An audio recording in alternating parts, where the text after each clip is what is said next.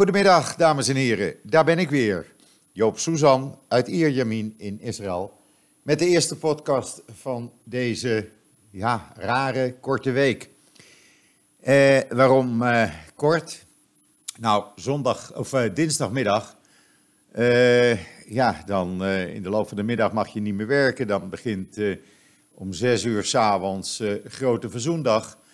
En dan ligt Israël stil. 25 uur wordt er niet gegeten. Er is geen verkeer. Het is heel bijzonder om dat mee te maken. Echt. Eh, elke, elk jaar, en ik woon hier dus eh, ja, eh, zo'n kleine 20 jaar nu. Ik verbaas me erover hoe iedereen zich eh, eraan houdt. En eh, ja, dat maakt Israël zo bijzonder. Een van de dingen die Israël zo bijzonder maakt. Ook mensen die totaal niet religieus zijn, pakken niet de auto. De straat wordt overgenomen door voetgangers. Eh, de snelwegen worden overgenomen door kinderen die fietsen of gezinnen die een fietstocht maken. Want ja, hoe gaat dat hier met Grote Verzoendag? Ja, je hebt eh, mensen die de hele dag naar de synagoge gaan. Eh, dinsdagavond is Kol Nidrei, de ingang van Grote Verzoendag. Dat is een dienst van een anderhalf, twee uur. En dan eh, begint het 's morgens om een uur of half negen, woensdagmorgen tot een uur of één. Hier in Israël vanwege het klimaat is er dan een rustperiode tot half vijf en dan is om zeven uur 's avonds Grote Verzoendag afgelopen. Eh, heel bijzonder. Ik zelf ga eh, natuurlijk dinsdagavond naar de dienst, synagogedienst. En woensdag in de loop van de ochtend tot het, eh, en dan eh, maak ik dan ook het uh, Jiskor-gebed mee. Dat is heel bijzonder. Dat gaat voor eh, een gebed voor iedereen die overleden is, waarbij dan de naam van de overledene, in dit geval mijn geliefde, eh, luidkeels roept. En daarna om, eh, om half vijf, eh, ja, het is hier in de straat. Eh, er wordt een enorme tent elk jaar neergezet voor zo'n 2, 2.500 mensen midden op straat. En eh, dat is voor de hele buurt en dat is heel bijzonder. Echt heel bijzonder, dat is die dat doet. Maar dat maakt Israël ook zo'n bijzonder land. En daarom is het deze week een beetje een rare week. Eh, we werken vandaag, morgen, dinsdagochtend tot een uur of 1, 2. En daarna donderdag nog even. En dan is het weer weekend. En volgende week hebben we hetzelfde, want zondagavond is Sukkot. Eh, begint dan, dan is maandag ook een, eh, een dag waarop iedereen vrij is. Dan heb je weer een aantal dagen waarop gewerkt mag worden. En dan eh, is het Shabbat en de zondag daarna mag er weer niet gewerkt worden. Ja, zo werkt dat met de feestdagen hier. Ik kan het ook niet veranderen. Maar het, nogmaals, het maakt Israël uniek. Wat het ook uniek maakt, het weer. Het is 32 graden. Ik heb gisteren geen regen ge- gezien, maar gisteravond zag ik opeens, en u kunt het op mijn timeline zien, een aantal video's verschijnen van regen, een paar minuten hoor. Eh, een, een regenbuitje in Jeruzalem, in Tel Aviv, op een bepaald paar aantal plekken, vlakbij het strand bijvoorbeeld. Maar hier is geen druppel gevallen. En ik heb ook niet gemerkt dat er wolken waren. Het was schitterend weer gisteren. Eh, het is nu, ja, zoals wij altijd zeggen, de heerlijkste tijd van het jaar. Zo'n 30 graden, 32 graden. Het is niet te heet, het koelt s'avonds lekker af. S'morgens is het om een uur of 7 zo'n 20, 21 graden. En dus voor mijn gevoel dus fris. Ja, eh, dat dus even over, eh, over Israël. Want ja, ik heb een overvolle podcast met u. Want er is zoveel nieuws aan de gang. En we gaan het gewoon even met z'n allen doornemen. Israël en de Golfstaten, ik vind dat nogal een dingetje. Die werken aan een niet-aanvalsverdrag. De minister van Buitenlandse Zaken, Katz, heeft dat vanmorgen eh, toegegeven, bevestigd. U kunt het op joods.nl lezen. Dat hij in gesprek is met een aantal Golfstaten om te komen tot een niet-aanvalsverdrag. Dat is echt een historische stap, vind ik ook zelf. En dat vindt iedereen eigenlijk hier.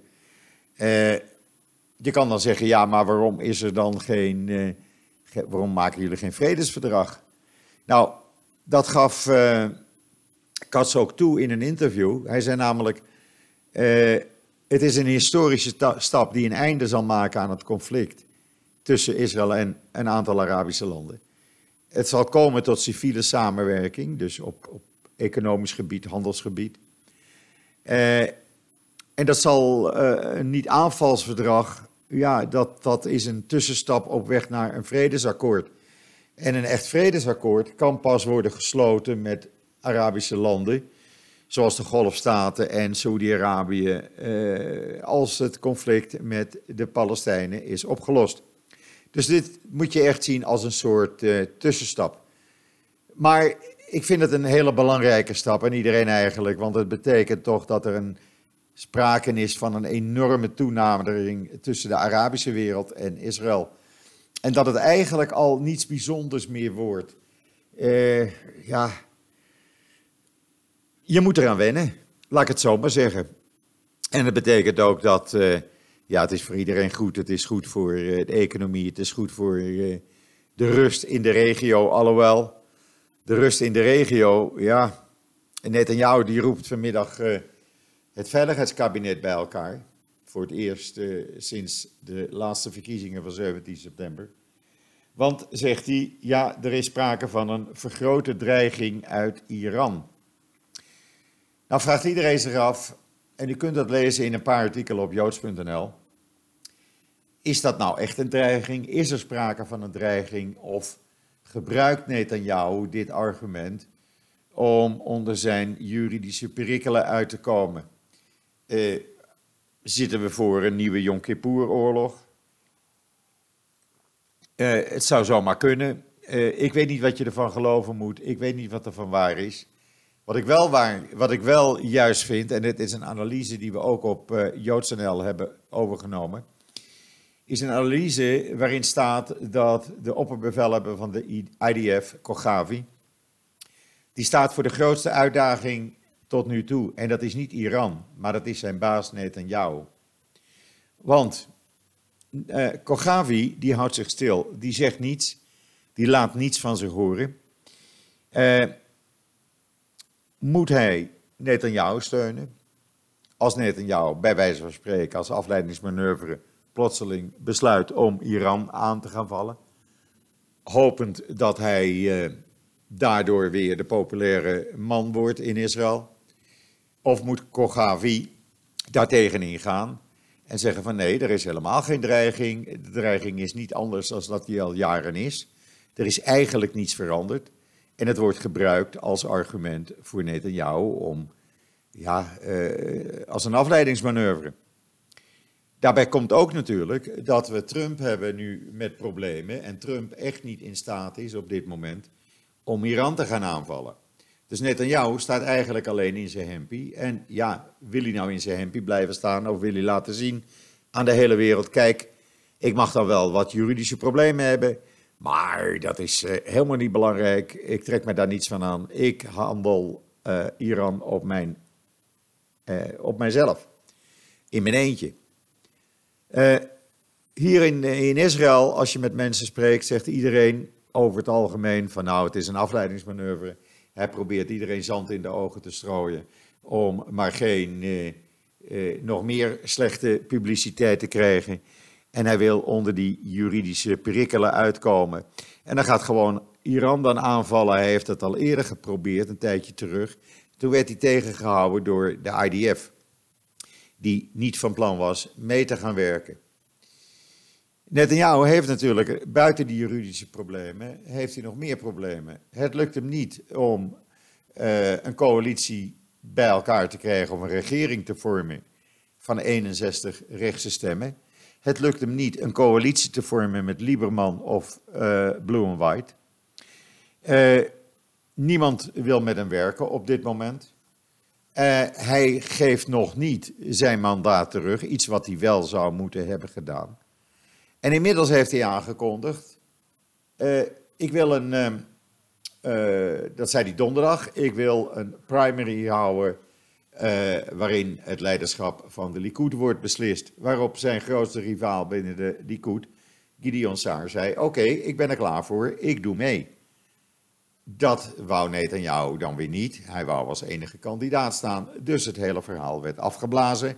En nu eist hij een vertrouwensstemming over hem van, het Likud, van de Likud-leden, zo'n 3300 leden in het Centraal Comité van de Likud. En die zouden dan deze week over het vertrouwen moeten gaan stemmen uh, naar Netanyahu toe. Steunen ze hem, vertrouwen ze hem of niet? Als dat een stemming wordt waarin hij wel zal winnen, maar geen grote meerderheid zal hebben, dan betekent dat al een splitsing binnen de Likud. Dus of die vertrouwensstemming doorgaat, ik moet het nog maar zien. Het zou zomaar kunnen dat het op het laatste moment wordt afgeblazen. Ook zijn politieke rivalen, andere partijleiders, die zeggen net, ja, er is niets aan de hand met Iran. Er is al jarenlang sprake van een dreiging. Niet alleen van Iran, maar ook van Hezbollah, Hamas. Eh, we zijn daar een beetje aan gewend en er is helemaal geen dramatische verandering gebeurd in de laatste tijd, de laatste maanden. Uh, ja, is er nou sprake van een urgentie? Uh, of is het echt een bijeenkomst van het Veiligheidskabinet om de aandacht af te leiden van alle politieke en juridische problemen die Netanyahu op dit moment heeft? Wat iedereen wel weet, is dat de, de, de, de onbesproken kracht van Netanyahu is afgenomen. Hij heeft niet het vertrouwen meer van uh, de volledige Israëlische bevolking.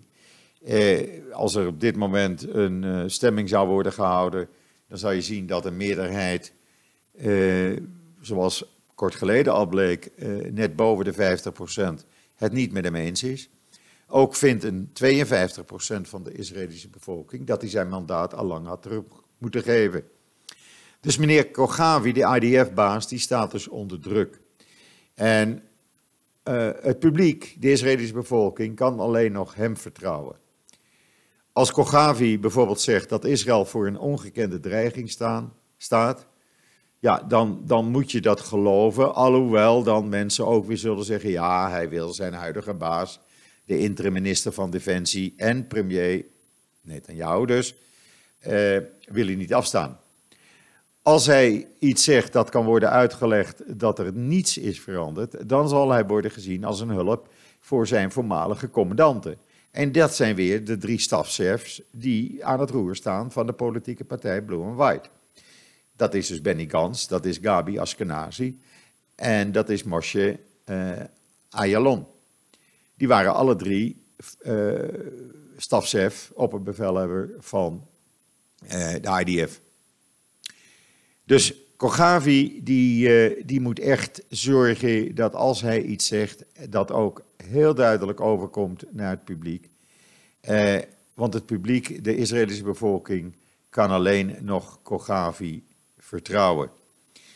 En als Netanyahu mocht besluiten een militair avontuur aan te gaan om de aandacht af te leiden van al zijn problemen, dan is Kogavi, de IDF-opperbevelhebber, de enige persoon die echt in staat is om Israëli's de waarheid te vertellen over wat er echt aan de hand is.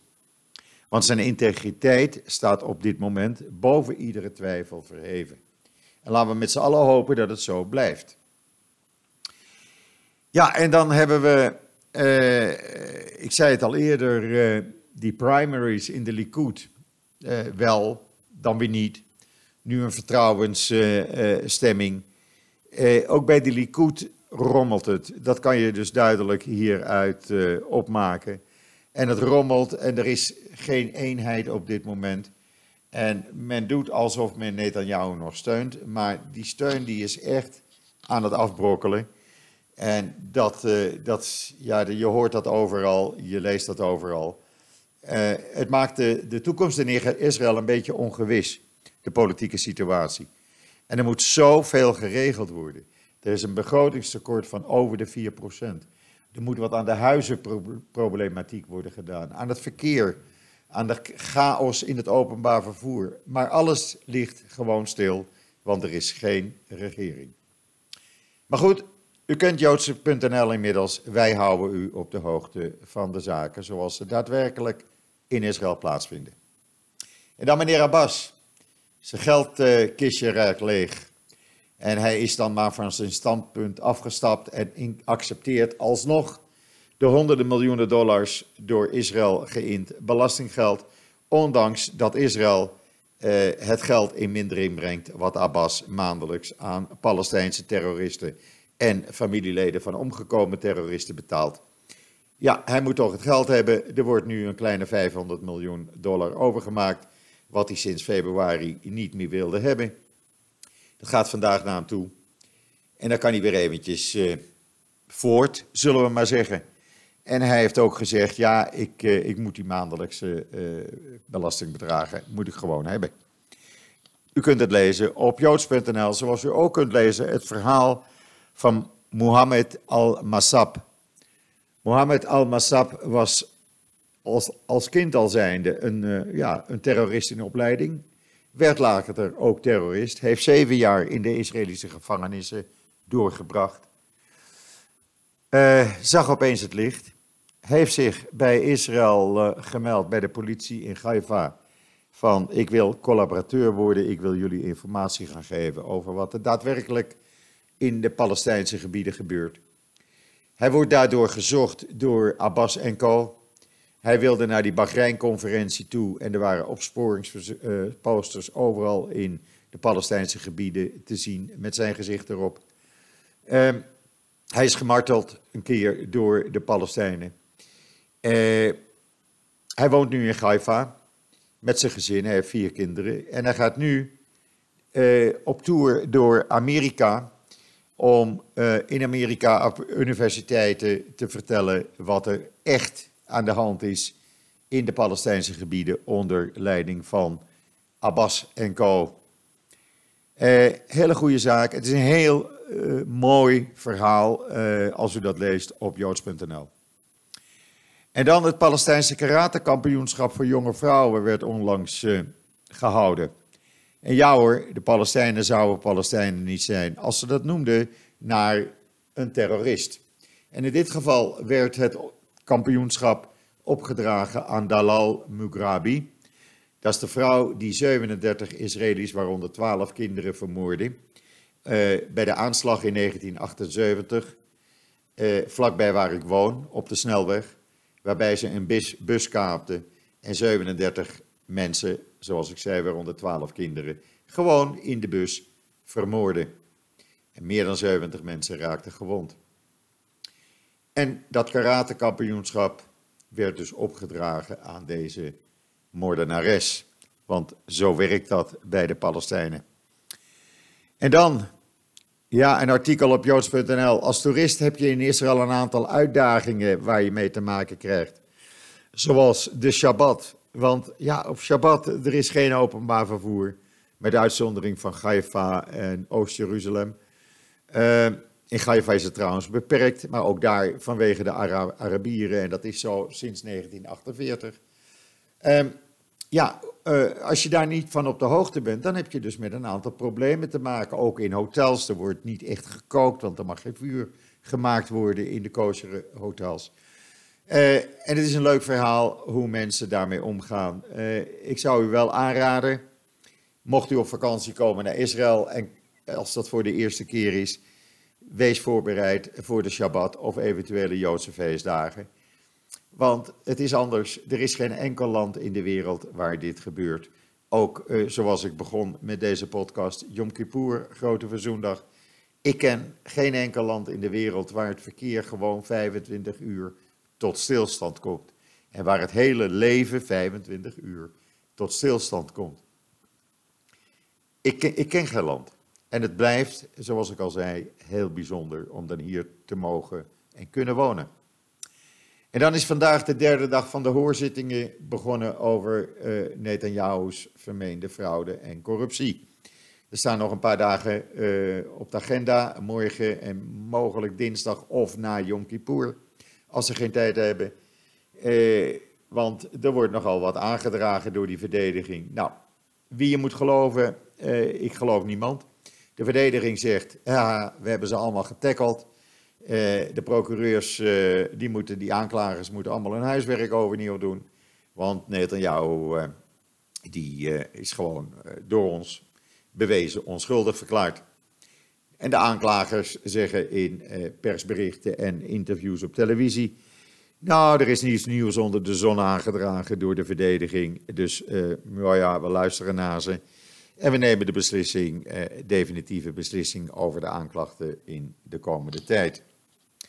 Ja, wie moet je dan geloven? Nou, uh, ik zou u willen adviseren, lees straks het artikel op joods.nl. Het zal rond een uur of vier, drie, vier Nederlandse tijd online komen over wat schrijven de Hebreeuwse kranten vandaag, de Israëlische kranten. Eh, en daar kunt u precies lezen wat u nou wel en niet moet geloven. Ondertussen, ja, echt, er zijn sommige ministers die doen alles om met Netanyahu in een goed blaadje te staan. We kennen natuurlijk Miri Regev, die alles wat Netanyahu zegt met één groot naar voren brengt. Zij is minister van Cultuur, bang om haar baan te verliezen. En nu hebben we de minister van Communicatie, interim minister van Communicatie, want hij is onlangs benoemd voor een paar maanden. En die doet er ook weer alles aan, want die zegt, nou, als de politie niet zo druk is met onderzoek naar Netanyahu, wat trouwens al lang afgerond is, dan hadden ze meer tijd voor andere zaken. Nou ja, goed, eh, de gekheid ten top zullen we maar zeggen. Want die zaken tegen Netanyahu zijn al lang afgerond en daar is de politie helemaal niet mee bezig. En dan 300 mensen in Iran beschuldigen de Ayatollahs ervan hen bewust met het HIV-virus te hebben besmet middels injecties. Ze hebben gedemonstreerd, een moskee in de fik gestoken. Nou, het is nog wel een dingetje. U kunt het lezen op mijn timeline, want ik vond het niet belangrijk genoeg voor joods.nl. En dan, ja, Hamas. Ja, echt. Die beschuldigt Abbas en zijn club van racisme. Want, zegt Hamas, de voortdurende raciale maatregelen van de regering van meneer Abbas tegen de Gazastrook verergeren, en compliceren de Palestijnse crisis. En het zijn een stelletje racisten, want ze discrimineren iedereen in Gaza. Nou, dan weten we dat ook weer. Wat we ook weer weten is dat vrouwen in Saoedi-Arabië nu het leger in kunnen. Ja, het wordt nog een modern land ook, pas maar op. Ik las ook vanmorgen het bericht dat vrouwen, eh, ook al zijn ze niet getrouwd, toch met een man een kamer mogen huren in een hotel. Om eventjes een paar gezellige uren door te brengen. Schijnt ook plotseling mogelijk te zijn. Nou, het wordt nog een hele moderne toestand. Uh, terug uit het stenen tijdperk, terug naar 2019. Het gaat zomaar gebeuren. En we staan erbij en we kijken ernaar. Ja, uh, dan ben ik alweer tegen het eind van deze podcast. Maar uh, ja, het nieuws blijft gewoon doorgaan en het nieuws blijft u vinden op joods.nl. En ja, uh, wat we afgelopen week mee hebben gemaakt. Uh, ik had bijvoorbeeld, we hadden een artikel, het recept op donderdag, wat we altijd donderdag doen, een Israëlisch recept, kosher recept neergezet op joods.nl. Dat is duizenden keren gedeeld er zijn mensen die hebben ons gecomplimenteerd, joods.nl, voor dit recept, want die hebben het gemaakt voor de eerste keer en die vonden het geweldig. Dat ging over shakshuka, wat ook een heerlijk recept is hoor. Ik bedoel, tomaten, eieren, wat peterselie, eh, wat specerijen. Echt probeer het, lees het recept nog maar even na. En we zien echt, het zijn tienduizenden bezoekers hebben we op dit moment op joods.nl en we zijn daar erg, erg dankbaar voor het hele team, want ik doe het niet alleen. We zijn met een, eh, een man of zes, zeven en er komen steeds meer mensen bij. Eh, want op de achtergrond wordt er ook heel hard gewerkt. En eh, ja, het doet ons deugd dat u met tienduizenden dagelijks inlogt op joods.nl en gaat kijken wat we nu weer te schrijven hebben. Eh, het sterkt ons alleen maar in onze overtuiging dat iedereen graag wil uh, weten wat het nieuws is, hoe het nieuws is uit Israël en de Joodse wereld. En zoals het nieuws is, niet gekleurd, niet gefantaseerd, gewoon de feiten zoals ze in Israël gebeuren. Dat is wat we doen met joods.nl. Um, ehm, kijk zometeen ook even op uh, joods.nl. Er komt een heel mooi artikel. Ze hebben een enorme start, stad gevonden bij Gadera, uh, oostelijk van Gadera. Hier zo'n uh, 30 kilometer waar ik woon, uh, noordoostelijk van. En die stad die is uit de Kanaïtische tijd. Dat is een, ja, ze noemden het het New York van die tijd. Zo groot. Er woonden 6000 mensen. En die stad was gebouwd 5000 jaar geleden op de ruïnes van een katholieke stad van 7000 jaar geleden. Nou, de foto's, de video's, u kunt dat allemaal over een aantal minuten op joods.nl zien. Het staat er vanaf drie uur Nederlandse tijd op. Rest mij u nog een hele fijne voortzetting van deze zondag, de 10e oktober, toe te wensen. En wat mij betreft zeg ik, zoals altijd, tot ziens, tot morgen.